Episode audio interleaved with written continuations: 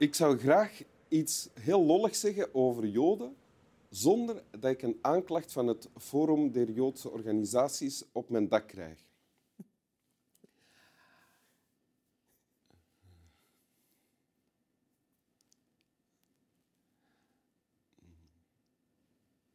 Misschien de volgende keer. Welkom in Winteruur. Ik krijg toch een aanklacht, daar word ik vrij zeker van. En het louter benoemen, Wim. Ja, ja. Ik hoop dan dat, dat, dat ze gedeeld wordt en dat jij ook aangeklaagd wordt. Gedeelde smart is Ja. beter. Welkom eh, in Winteruur, natuurlijk. Kamal, eh, geen werkloze comedian, hè? Nee. in tegenstelling tot bijna alle andere beroepsgenoten. Want overmorgen eh, ben je al op tv met een oudjaarsconferentie Ja, dat klopt. Ehm, overmorgen op één. Ehm, die in coronaveilige omstandigheden is opgenomen. ja, ja, ja, dat, was wel, dat heeft wat voet aan de aarde gehad. We, moesten, we mochten maar vijf bubbels uitnodigen. Uw inkomticket dat was een coronatest. Dus alle mensen daar moesten een stok in hun neus proppen om mij te mogen zien. Ja? En dat was, eh, iedereen moest ontsmet zijn, ehm, alles op afstand. Ja, dat, was wel, dat was wel een heel gedoe. Ook allemaal met mondmaskers. Dus dat doet ook wel iets aan de ervaring Ah natuurlijk. ja.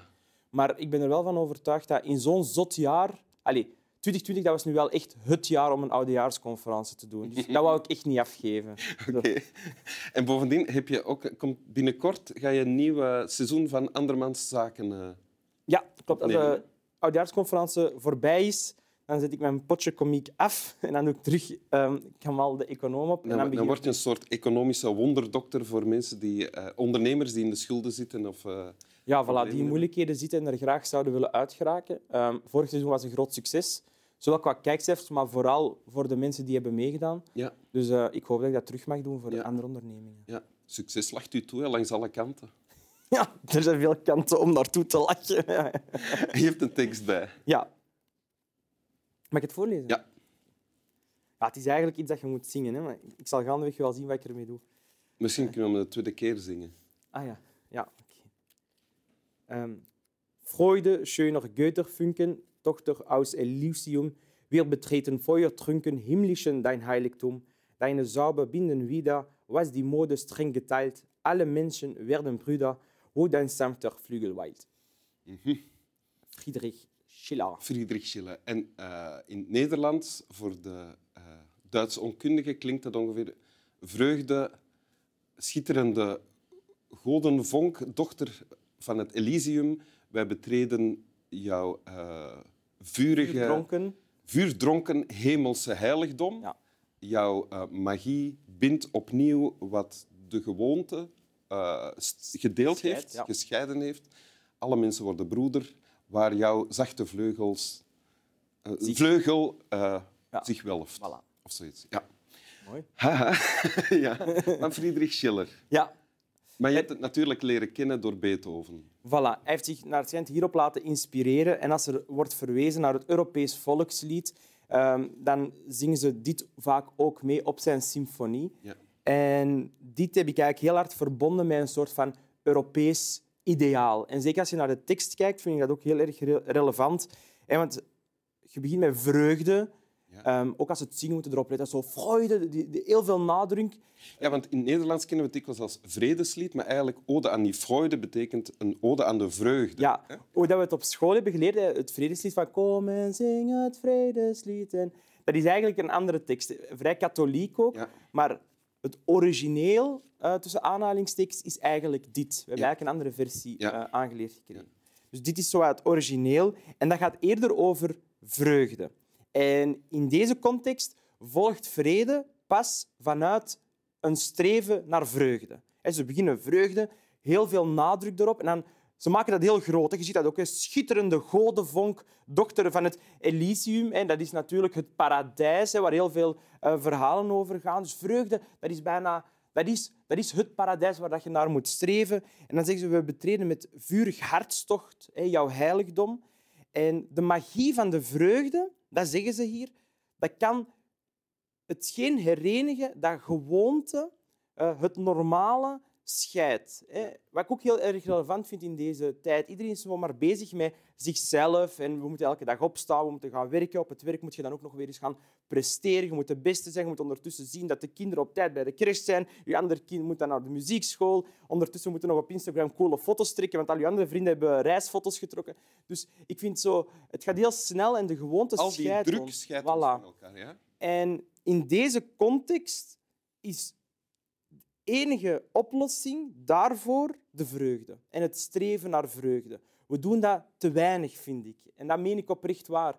Er wordt nog te weinig gestreefd naar, naar vreugde. Je ziet dat ook als ze zeggen schitterende godenvonk, van hoe groot dat is, maar ook die sparkle in je eye. Als je ooit iemand gelukkig ziet of, of je wordt zo verliefd, zo die sparkle, die vonk in de ogen, ja, dat is eigenlijk hetgeen dat je krijgt als je streeft naar vreugde. En, en in de versie van Beethoven is het dan ook nog eens een duizendkoppig koor dat helemaal op het einde van de negende symfonie allemaal samen Voilà. met heel veel bombast. Ja, ja het, idee daarachter, Ja? het idee daarachter is natuurlijk, het moet ook wel, hè, want de laatste eh, zinnen zijn mensen worden broeders. Ja. Dus dat is het ideale moment om allemaal samen te komen, dat wij bijna als, als gemeenschap dat zingen, dat we zingen over de vreugde, dat we zingen over herenigd worden door de vreugde. En als je dat doet, als je als gemeenschap wordt verenigd door vreugde, dan pas, en volgens mij alleen dan, kan er vrede volgen.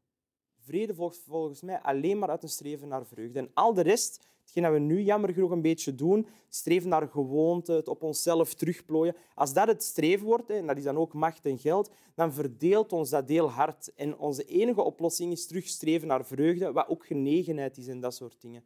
En ik vind... Maar het streven naar vreugde is wel moeilijk in een, in een tijd waar we allemaal afstand moeten houden van elkaar, toch? Of Ja, ik denk dat corona-gewijs... Ja, pas op, daar ben ik het niet mee eens. Nee? nee. Eerst wel, maar dan ineens niet meer. Nee, ja, ik snap het idee wel, omdat we zo... Letterlijk heb je gelijk. Maar ik vond bijvoorbeeld, zeker in de eerste golf, het was ellende. En net dan hebben we eigenlijk gezegd, bon, het is nu zo, laten we er het beste van maken. En dan zag je even wat er gebeurt als we terug naar vreugde streven. Want eigenlijk op dat moment konden niet anders, dus we deden dat ook. En dan kwamen mensen die applaudisseren voor de zorg, mensen die gemotiveerd waren, mensen, kom, we gaan er het beste van maken. En ik vond toen, hoe erg de ellende ook was, voelde ik een soort van gemeenschappelijkheid. Hè. Leerkrachten die het beste ervan proberen te maken, leerlingen die binnenbleven om oma en opa te beschermen. En het is ook waar, het, het, het bijvoorbeeld applaudisseren met, met mensen die muziek maken en wat weet ik allemaal. In de eerste plaats is dat plezant voor de mensen die het doen. Dat brengt Exact. vreugde. Voilà. En jij zegt, en de volgende stap is dat er vrede ontstaat. Voilà. Als we dat kunnen aanhouden, dan gaat dat verbinden, steeds meer en meer.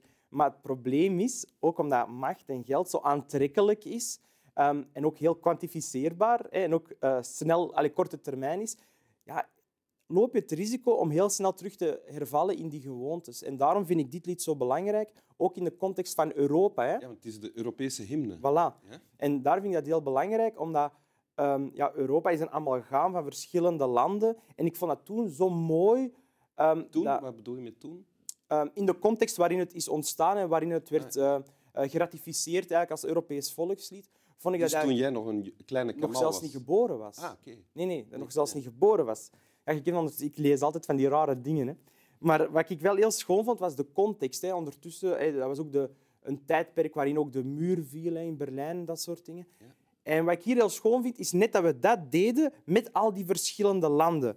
Iedereen werd broeders. We hadden een soort van gemeenschappelijk ideaal. Nou, Europa, dat wordt het land, de Verenigde Staten van Europa. We gaan een gemeenschappelijke munt introduceren. Wij worden vrienden, dames en heren. Wij worden broeders, dames en heren. En we haalden er allemaal landen bij. Ja, voilà. Dat was achteraf gezien misschien niet het beste idee, maar, maar dat vond ik... Voilà, maar die, dat enthousiasme, dat was een streven naar vreugde. Van, kom erbij, dat wordt hier leuk, dat wordt hier plezant. En van daaruit is heel veel vrede voortgevloeid.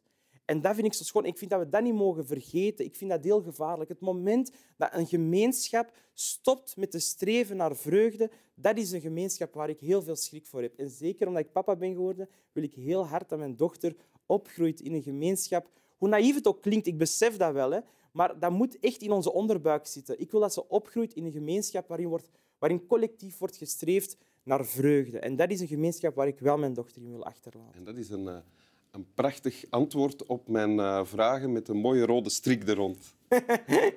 Zullen we het nog eens eh, voorlezen of zingen? Ah ja, oké. Freude, schöner Götter, Funken, Tochter aus Elysium. Wir betreten Feuer, trunken himmlische dein Heiligtum.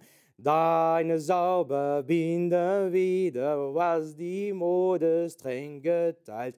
Alle Menschen werden Brüder, wo die sanfter Flügel war. oh, jongens. Dank u, Kamal.